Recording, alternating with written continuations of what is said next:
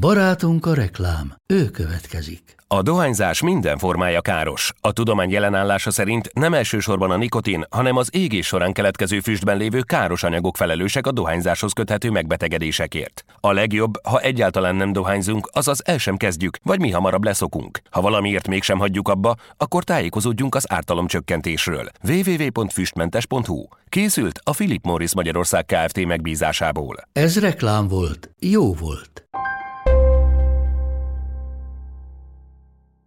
Ez az Instyle podcast sorozata a Te a délután. Podcastunk középpontjában a királyi család áll. Stílus, titkok, meglepő érdekességek, intrikák és mindaz, ami a korona árnyéka mögött megbújik. Sziasztok, én Bia vagyok. Én pedig Zsófi. A Tea délután első évadát Erzsébet királynő élete izgalmas részleteinek szenteljük, aki kétségtelenül sokkal több volt, mint uralkodó.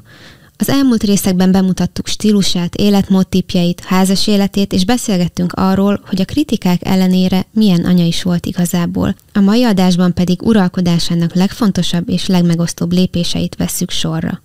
A 96 éves korában elhunyt királynőt a ránehezedő elvárások és hozzátartozói is egész életében kihívások elé állították. Rengeteg olyan eset fordult elő, amikor belső konfliktust okozott számára, hogy másképp reagált volna a helyzetekre magánemberként, másként pedig uralkodóként. A királyi család intézménye szövevényes rendszer, melyben egyszerre keveredik a hivatás és az érzelmek, a kötelességek és a vágyak. A legutolsó emblematikus pillanat, ami szerintem mindenkinek elsőre eszébe jut, az Harry és Meghan döntése, hogy kivonulnak a királyi családból, Ám ez csak egy volt a sok próbatétel közül, ami Erzsébet elég gördült az uralkodása alatt. A mai adásban, ahogy te is említetted, a királynő uralkodásának kulcsfontosságú pillanatait vesszük sorra. Ugye szó lesz a legfontosabb és a legmegosztóbb lépéseiről is, illetve a halála után bekövetkezett változásokról, és Károly király első lépéseiről is beszélgetni fogunk. A mai adás az eddigiektől eltérően három blokkra fog oszlani. Először fogunk beszélgetni a történelmi jelentőségű döntéséről Erzsébet királynőnek, és azokról a pillanatokról, amik akár meg is osztották a világot. Aztán jönnek a családi botrányok, és ezután fogunk beszélgetni Károlyról. Nézzük is a legfontosabb pillanatokat, amik közül kiemelkedik 1953. június másodika. Ugye ekkor lett hivatalosan Erzsébet hercegnőből Erzsébet királynő a megkoronázással. A koronázási ceremóniát a Westminsteri apátságban tartották, és ez volt a történelem során az első, amit a tévében élőben is közvetítettek. Az Egyesült Királyságban mintegy 27 millióan nézték a szertartást, és további 11 millióan hallgatták a rádiót. Tehát szinte a csak nem a teljes lakosság figyelemmel követte az eseményeket, hiszen akkoriban 36 millióan laktak az Egyesült Királyságban. Ezt követően mintegy 3 millió ember állt az utcákon, miközben a királynő és kísérete visszaindult a Buckingham palotába. 1966 volt az az év, amikor Erzsébet királynő egyik legmegosztóbb döntését hozta.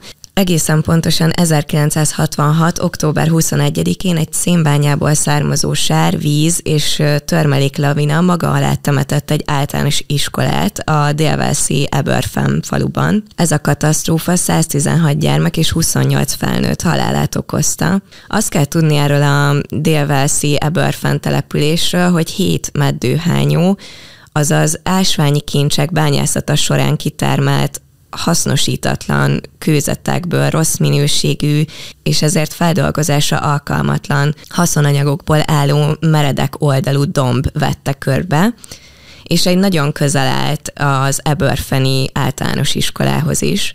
Már többször is érkezett olyan kérés egyébként a szénbánya felé, hogy ne a falu iskolája felett létesítsenek ilyen meddőhányót, de a kérdés mindig is félre söpörték – a katasztrófa után Fülöp herceg egy nappal már megérkezett Ebbörfenbe, maga a királynő viszont hosszú ideig távol maradt ettől a katasztrófától, több mint egy hétig késlekedett a látogatással, mert attól tartott, hogy jelenléte elvonja a figyelmet a mentési és helyreállítási erőfeszítésekről. Ezért nagyon sokan kritizálták akkoriban a királynőt, és az Erzsébethez közel állók közül néhányan, köztük a volt magántitkára, Lord Charteris is azt mondta, hogy uralkodása alatt ezt a döntést bánta meg a leginkább, és maga is úgy vélte, hogy előbb kellett volna ellátogatni ennek a tragédiának a helyszínére, ám amikor végül ezt megtette, őt magát is nagyon megrázták az ott látottak, és ez volt az első alkalom, amikor a királynőt nyilvánosan lehetett sírni látni.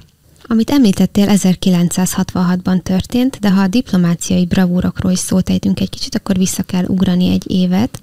1965-ben ugyanis Erzsébet királynő ellátogatott Nyugat-Németországba, a társadalmi és politikai változások által fémjelzett évtized közepén a királynő elfoglalt feladatokat látott el, beleértve a tíznapos látogatását a Német Szövetségi Köztársaságban is – a második világháború befejezésének 20. évfordulóját ünnepelte ezzel, szimbolizálva a két ország közötti megbékélést és elismerve Németország újbuli felemelkedését Európában és a világ színpadán. De nem csak Németországban látogatott el Erzsébet, hanem Kínába is.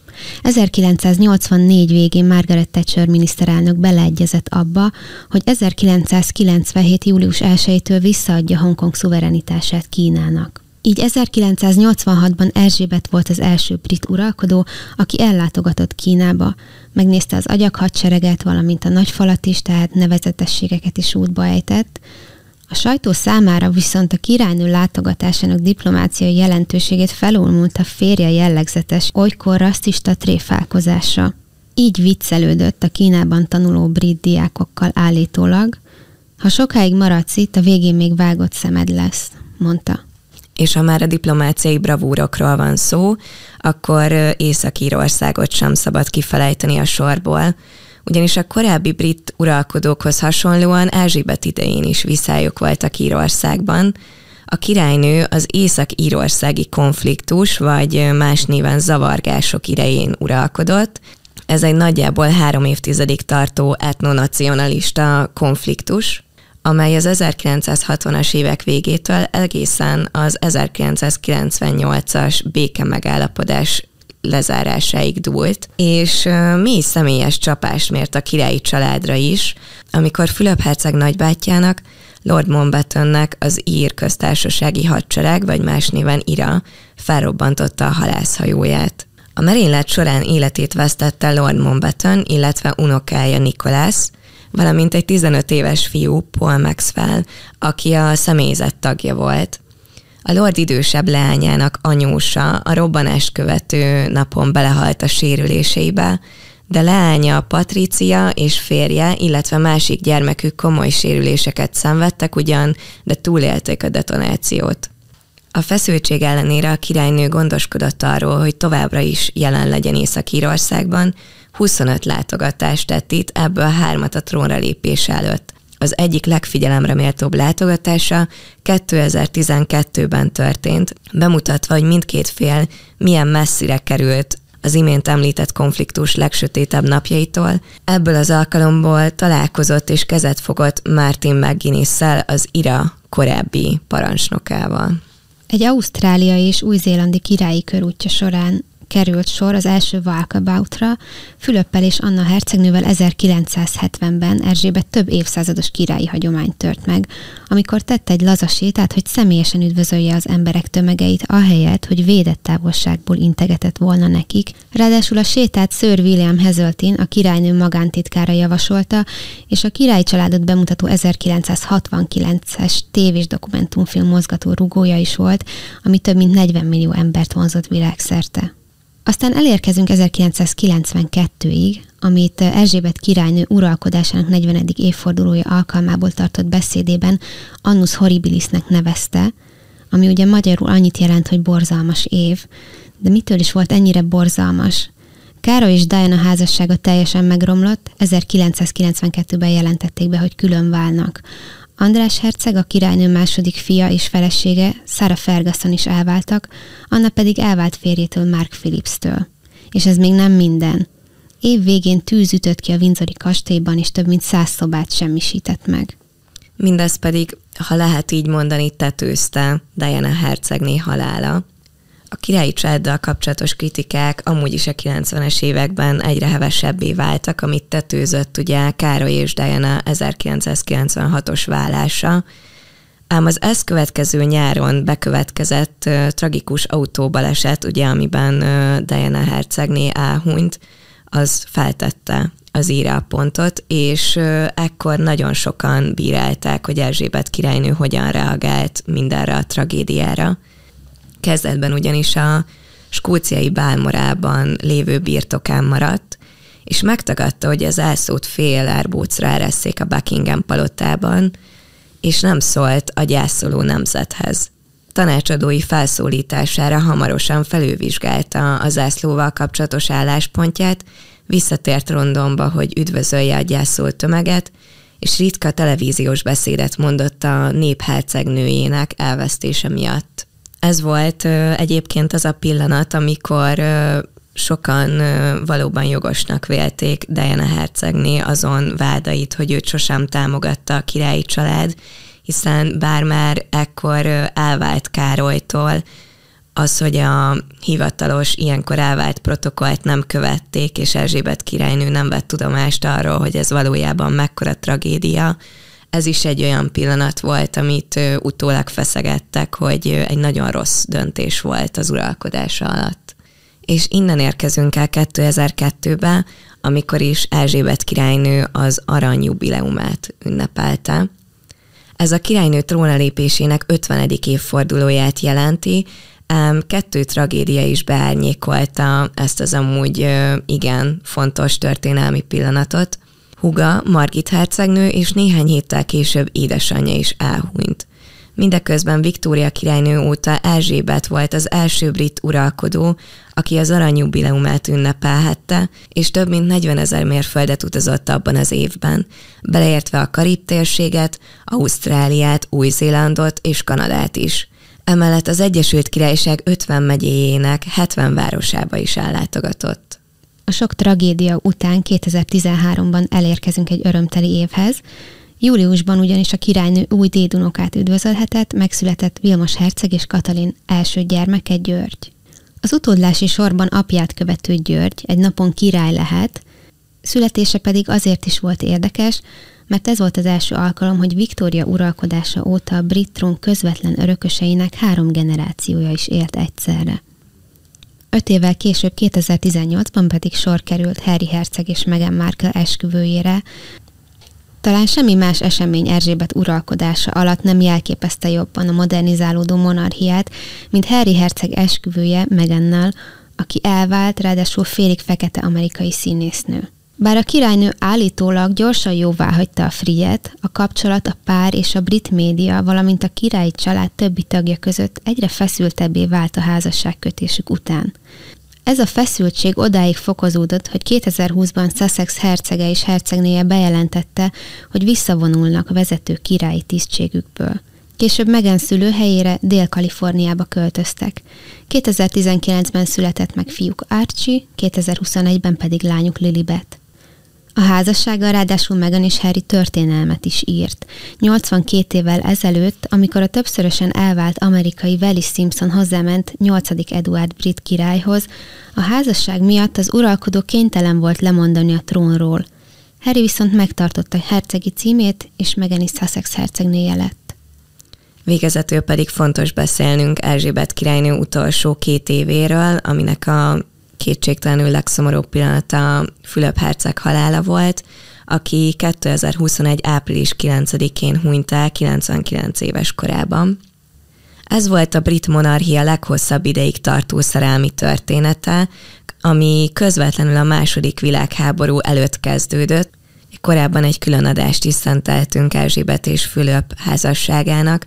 Fülöp herceg több mint fél évszázadon át támogatta feleségét a királynői feladatokban, és ő maga is igen ambiciózus kötelezettségeket vállalt magára. Temetését 2021. április 17-én tartották, ám a koronavírus miatti korlátozások miatt csak mindössze 30 vendéget hívtak meg, és a Szent György kápolnában egyedül ülő királynőről készült fotók bejárták a világot ekkor.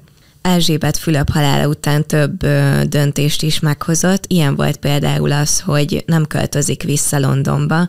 Ugye ő és Fülöp a koronavírus kitörésekor leköltöztek Windsorba, és Erzsébet úgy döntött, hogy a Windsori kastélyt teszi meg hivatalos rezidenciájának. Szóval Buckingham palota egyébként 1837 óta a mindenkori brit uralkodó egyik legfontosabb lakhelye, Erzsébet is életének nagy részét, 70 évnél is többet töltött a Buckingham palotában, míg a Windsori kastély hagyományosan a brit uralkodók nyaralója volt, ahová ezen kívül a húsvéti szünetben és az Eszkoti derbi idején költöztek le.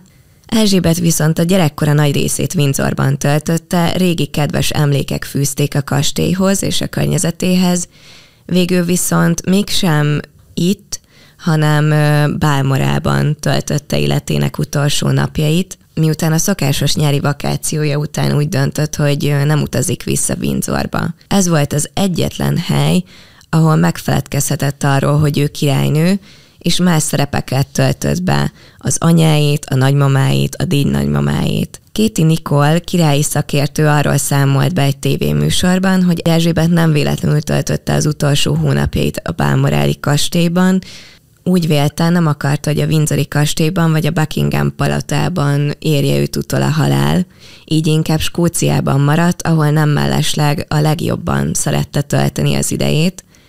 A szakértő szerint az uralkodó tudta, hogy már nem fog visszajönni Windsorba, vagy a királyi család fő rezidenciájaként szolgáló Buckingham palotába. Ebben az évben még egy fontos pillanat volt a Trooping the Color, ami az uralkodó születésnapi felvonulása, és idén ezzel együtt Erzsébet királynő platina jubileumáról is megemlékeztek.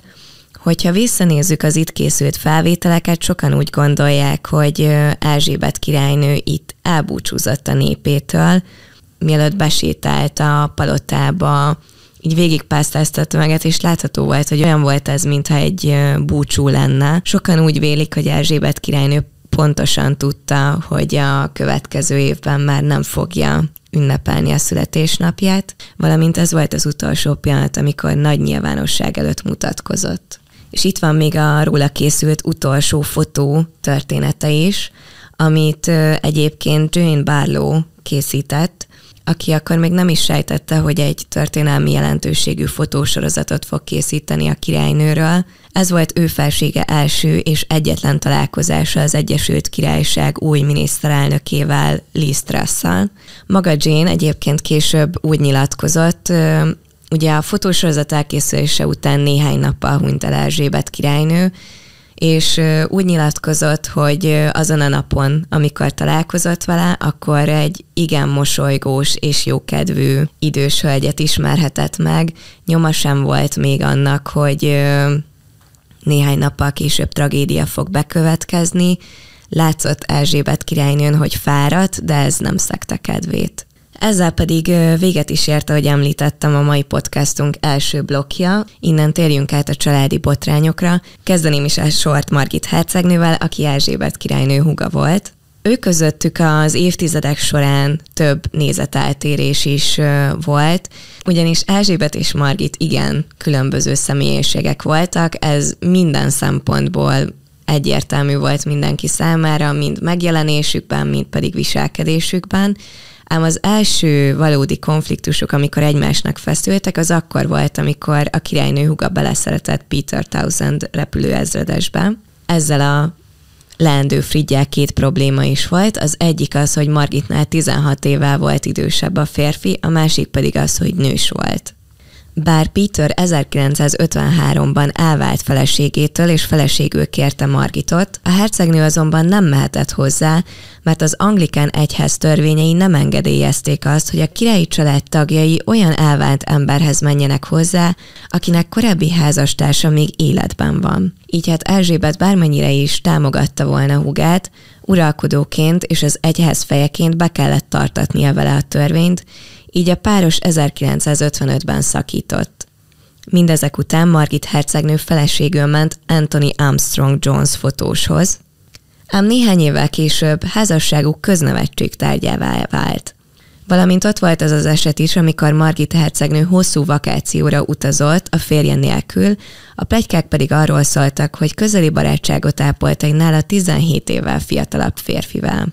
1976-ban aztán a pár bejelentette, hogy külön válnak, két évvel később pedig a vállást hivatalossá is tették. Az 1550-es években uralkodó 8. Henrik óta Margit volt a királyi család első tagja, aki elvált. És bármennyire is nehéz lehetett erre rábólintani a második Erzsébetnek, nyilván az sem volt egy vonzó opció számára, hogy ez a botrányos frigy folytatódjon. Erzsébet gyerekeit sem kerülték el a botrányok. Anna hercegnő, a királynő egyetlen lánya 1973-ban ment feleségül Mark Phillips díjlavagló olimpikonhoz. A házastársak azonban nem sok időt töltöttek együtt, és nem tűntek különösebben boldognak sem. 1989 tavasszán aztán egy brit napilap megszerezte Anna hercegnő leveleinek másolatát, a levelek pedig Timothy Lawrencehez szóltak. Bár a tartalmuk nem került nyilvánosságra, a bulvárlapok azt nem mulasztották el megírni róluk, hogy rendkívül intim jellegűek és túl pikánsak voltak ahhoz, hogy leközöljék őket.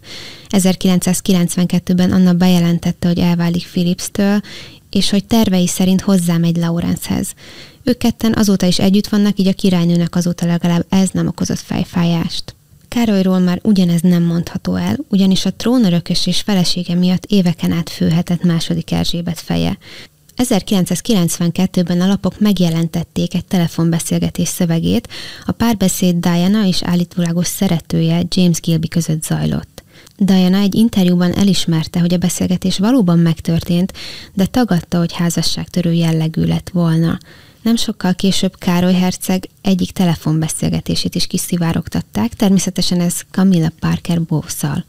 A beszélgetés megerősítette azt, amiről a plegykák szóltak, Károlyt romantikus szálak fűzték a szintén házas Kamillához.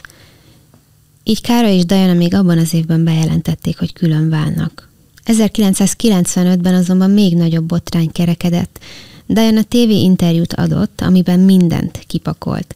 Beszélt a ránehezedő hatalmas nyomásról, a szülés utáni depressziójáról, bulimiájáról, és elmondta azt is, hogy tudott Károly és Kamilla viszonyáról, valamint bevallotta, hogy ő maga is hűtlen volt, ugyanis beleszeretett James Hewittba. Néhány héttel később a királynő maga sürgette fiát és mennyit, hogy váljanak el, ami a következő évben hivatalosan is megtörtént. Sokan úgy gondolják, hogy az egyik legnagyobb kihívás a királynő számára uralkodása alatt maga Diana hercegné volt, valamint az, hogy ő milyen hatással volt a monarchia közfelfogására. Az egykori Verszi hercegné forradalmasította szerepét, melegebbnek és barátságosabbnak mutatkozott be, mint a királyi család többi tagja, ezen kívül Diana népszerűsége komoly fenyegetéssel járt, és sokan hittek abban, hogy a körülötte kialakult kultusz képes lenne legyőzni ezt a nagyjából ezer éves intézményt. A halálát követő években azonban a monarchia átalakította a róla kialakított képet, míg nem elérkezünk az elmúlt évtizedhez, ami az 1990-es évek óta nem látott drámákat hozott Erzsébet életébe, és amik miatt jelenleg is sokan megkérdőjelezik a monarchia jövőjét nélküle. Hát igen, itt András hercegről van szó, ugyanis ő már az 1990-es években is szerzett néhány nehéz évet édesanyjának, amikor házassága mindössze hat év után válságba került. Felesége Sarah Ferguson ugyanis egy amerikai pénzügyi tanácsadóval vakációzott, amit a bulvárlapok szorgosan dokumentáltak. Többek között egy olyan fotóval is, amelyen a férfi Szara lábúját csókolgatja. András Herceg és Szára ugyanebben az évben, 1992-ben váltak külön, amikor Károly és Diana is, négy évvel később pedig a vállás hivatalossá vált de András nem csak a vállásával vetett rossz fényt a király családra. 2001-től 2011-ig az Egyesült Királyság nemzetközi kereskedelmi és befektetési külön megbízottja volt, ám le kellett mondania a posztjáról, mert egyre jobban kritizálták személyes kapcsolatait, különösen barátságát Jeffrey Epstein üzletemberrel és elítélt szexuális bűnelkövetővel. 2019-ben robbant viszont az igazi bomba vele kapcsolatban, egy Virginia Roberts Guffrey nevű nő azt állította, hogy Epstein 2001-ben és 2002-ben több alkalommal is szexuális kapcsolatra kényszerítette őt András herceggel, amikor a nő még csak 17 éves volt. András ezután katasztrofális interjút adott a BBC egyik műsorának, amelyben tagadta a vádakat, sőt azt állította nem is ismeri a nőt. azonban később közös fotó is előkerült róluk. Négy nappal később András bejelentette, hogy visszavonul a közügyektől. A királynő, bár nyilván ő is ezt tartotta helyes döntésnek, valószínűleg nem volt túl boldog. A döntést éppen 72. házassági évfordulójának napján kellett jóváhagynia. András mellett pedig Harry Herceg tette az utolsó évtizedben még próbára Erzsébet királynő idegrendszerét, az előző blogban beszéltünk arról, hogy Harry és Meghan házasságkötése az egy történelmi fontosságú pillanat volt Erzsébet királynő uralkodásában, de ezen kívül nem csak uralkodóként, hanem nagymamaként is érzelmileg igen belevonódott ebbe a történetbe.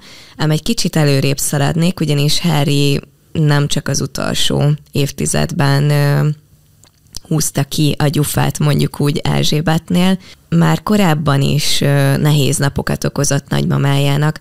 Ott van például az az eset, amikor 17 évesen bevallotta édesapjának, hogy kipróbálta a marihuánát, ezután pedig egy napot egy londoni rehabilitációs klinikán kellett töltenie. Néhány évvel később ott volt az a bizonyos náci egyenruhás botránya, amire szerintem mindenki emlékszik. Ennek a története ugye az volt, hogy Harry egy beöltözős bulin vett részt, és hát a legjobb jelmeznek egy náci egyenruhát tartott, tehát ez, ezzel igencsak kivágta a biztosítékot nem csak a királyi családnál, hanem a sajtónál és az egész nyilvánosságnál. Ugyanis a fotókat le is közölte akkoriban a The Sun, néhány évvel később, 28 évesen tetőzött a botrányainak a csúcsa, ekkor készültek ugyanis azok a bizonyos mesztelen fotók Harry Hercegről, aki Las Vegasban tivornyázott egy privát partin a barátaival, és a szálloda lakosztályában dobta le a ruháit, ami mit nem esett, valahogy ott volt egy fényképező gép, amivel megörökítették ezt az esetet. Ám ezek után Harryről leginkább a nőügyei miatt írt a sajtó, egyébként megpróbált teljesen beilleszkedni a királyi családba, tökéletesen ellátta a rábízott hivatalos feladatokat, és amikor végül megismerkedett és randizni kezdett meg a markle annak is nagyon örültek a britek, ám hogy hová fajult kettőjük kapcsolata, arról minden bizonyal mindenki ismer történeteket. Egy későbbi évadban ö, remélem, hogy szentelünk majd ennek egy külön adást. Most, amiről beszélni szeretnék, az ö, egészen pontosan a 2020-as január 9-i bejelentésük, amikor is Megan és Harry nyilvánosan is bejelentették, hogy visszavonulnak a kötelezettségeiktől, és továbbiakban nem kívánnak a királyi család aktív tagjaiként élni.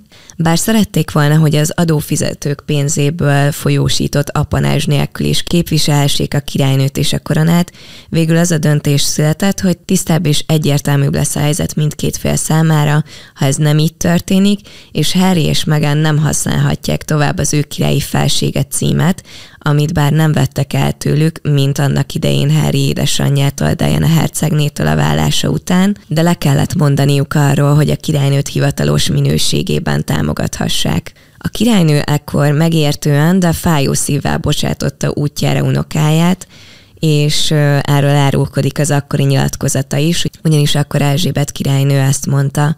Jobban örültünk volna, ha teljes körű, aktív tagjai maradnak a királyi családnak, de tiszteletben tartjuk és megértjük azt az óhajukat, hogy családként függetlenebb életet szeretnének élni, miközben megbecsült tagjai maradnak a családunknak. Az elhangzottak után egyértelmű, hogy élete során családtagjai alaposan feladták a leckét Erzsébet királynőnek, mint minden ember mentek a vágyaik és a szenvedélyeik után, kihágások és hibák terhe nehezedett a királynőre, és a kötelességtudó Erzsébet pedig hiába volt megértő velük családtagként, uralkodóként nem dönthetett mindig a szíve szerint a sorsukról.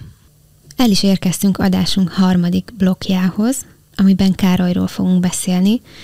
Erzsébet halála után rögtön kiderült, hogy Károly követi őt a trónon, bár a korábbi években fejtegették, hogy lehet, hogy Vilmos következik majd, nem sokkal később pedig azt is felfedték, hogy hivatalosan harmadik Károly királynak fogják őt hívni. Camilla pedig az úgynevezett Queen Consort címet kapta meg. Igen, erre Erzsébet királynő már az idén ünnepelt platina jubileumán is kitért. Ugye 2022-ben volt az uralkodásának a 70. évfordulója, ahogy ezt már korábban is említettük. Ez alkalomból pedig közzétett egy levelet, melyben több fontos részletre is kitért az uralkodását illetően. Ott volt például az, hogy ahogy a koronázása idején kimondta, úgy tartotta még az év elején is, vagyis hogy élete végéig a népszolgálatának szentelte magát. A másik ö, fontos pont pedig ö, Kamilláról szólt, akiről sokan úgy gondolták, hogy sosem lehet királyni. Erzsébet szerint viszont megérdemelte ezt a címet, és levelében ezt írta. És amikor az idő elérkezik, és a fiam Károly király lesz, Tudom, hogy mind megadjátok neki és feleségének, Kamillának a szükséges támogatást, amit nekem is adtatok.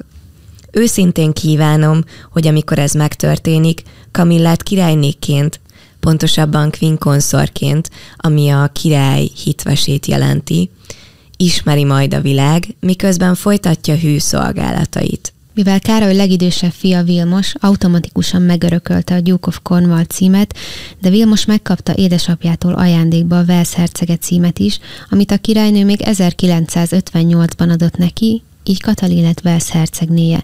Ezt a címet legutoljára Diana használta, Camilla sosem.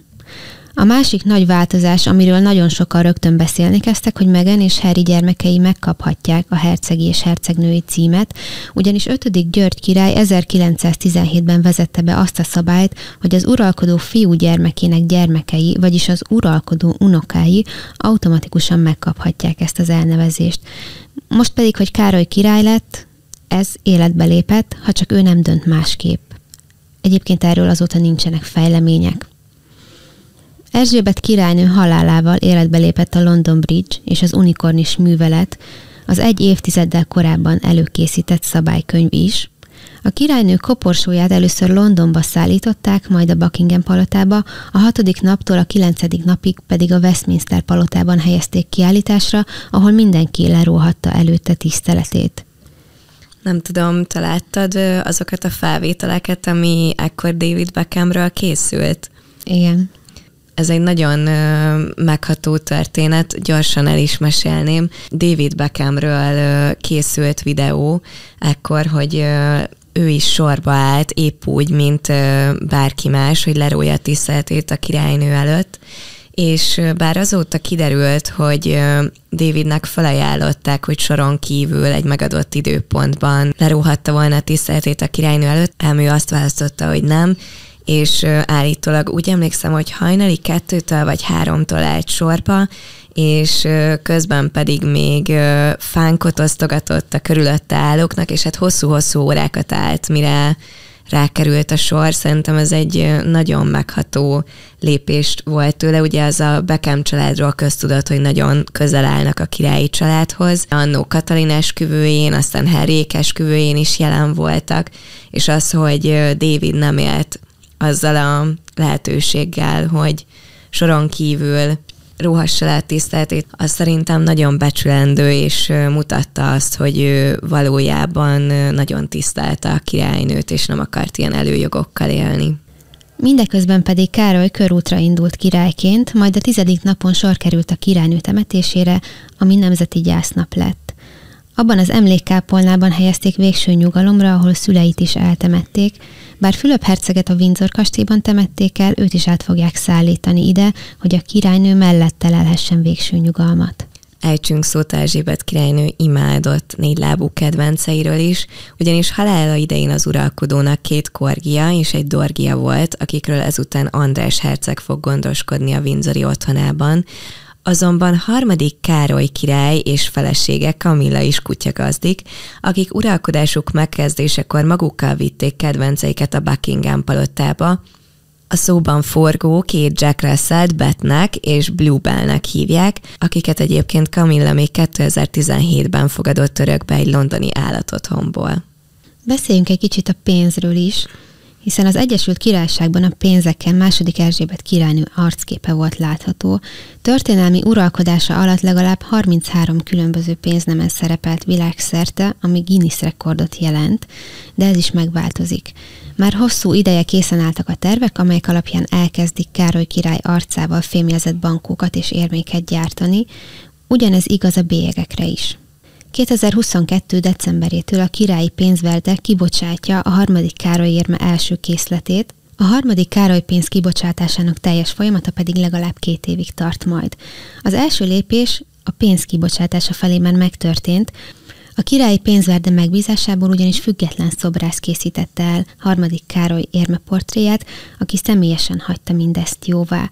A királyt idősebb korában ábrázoló portré balra néz, szemben anyja pózával. Ha már a pénznél tartunk, olvastam néhány érdekes cikket ebben a témában, ugyanis igen komoly vita alakult ki a világban e körül. A nemzetközösség országaiban ugyanis felmerült a kérdés, hogy akarják-e a károlyos érméket, vagy a feltörekvő szociálpolitikai mozgalmaknak kedveznek, amelyek közül sok a gyarmatosítás és az elnyomás régóta fennálló jelképeinek lerombolását követelik.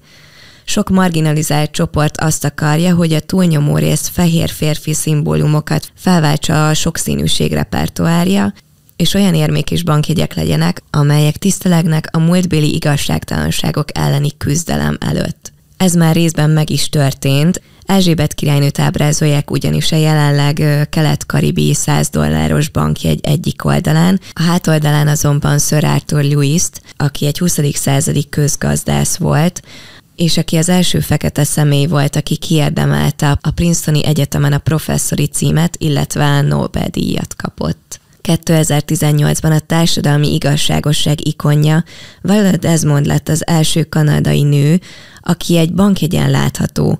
A 10 dolláros bankjegyen szerepel egyébként. 2022. augusztusában a kanadai királyi pénzverdek forgalmazni kezdett egy 1 dolláros érmét is, amelyen az ikonikus fekete jazz zongorista Oscar Peterson látható.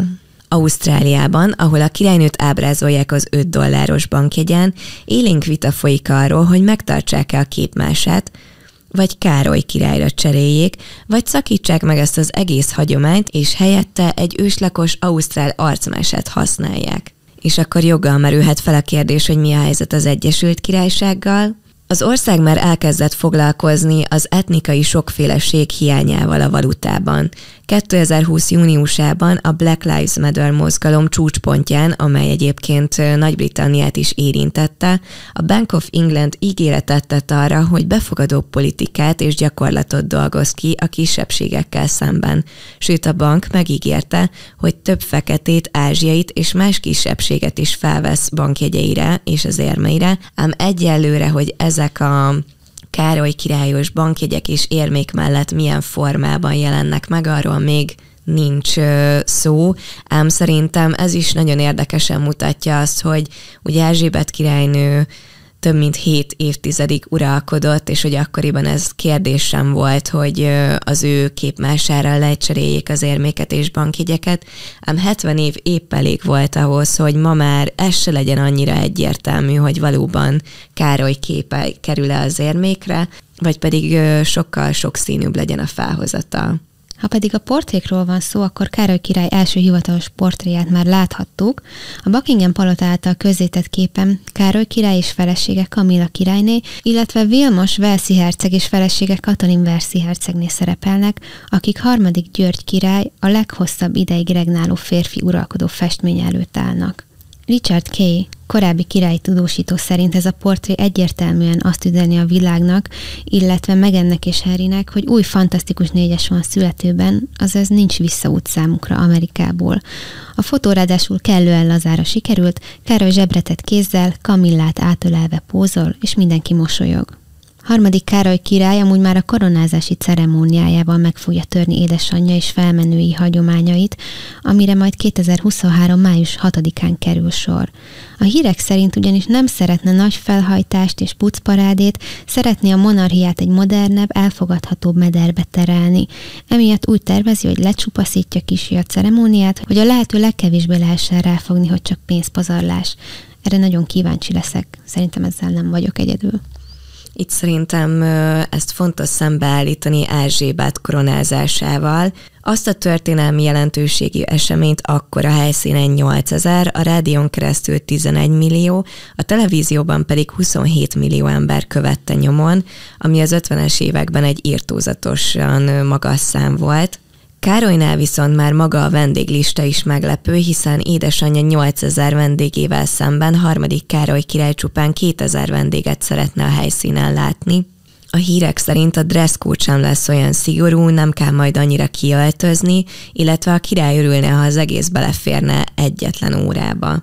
Ez azért is érdekes, mert Erzsébet királynő koronázási szertartása három óránál is hosszabb volt. Fontos még itt, hogy mivel Károly király csupán öt éves volt édesanyja trónra lépésekor, neki nem volt különösebb szerepe a ceremóniában, Károly viszont azt szeretné, ha felnőtt fia és első számú örököse, Vilmos herceg is aktívan részt venne benne, és állítólag fontos feladatokat szán neki. Remélem ma is tudtunk uh, új és érdekes dolgokat mesélni nektek. Ezzel véget ért a Tál délután első évada, ami Erzsébet királynő életét járta körbe de még maradjatok velünk, ugyanis készülünk még egy sorozat kibeszéléssel. A Te a délután akkor indult el, amikor a Netflixen a Korona 5. évada is elstartolt, ezért készültünk egy extra résszel nektek, amiben majd egy vendég fog csatlakozni hozzánk, és vele együtt fogjuk kibeszélni a sorozat legizgalmasabb pillanatait. Ne felejtsetek el követni minket, jövő héten találkozunk. Sziasztok! Sziasztok! Te a délután minden csütörtökön délután 5 órakor.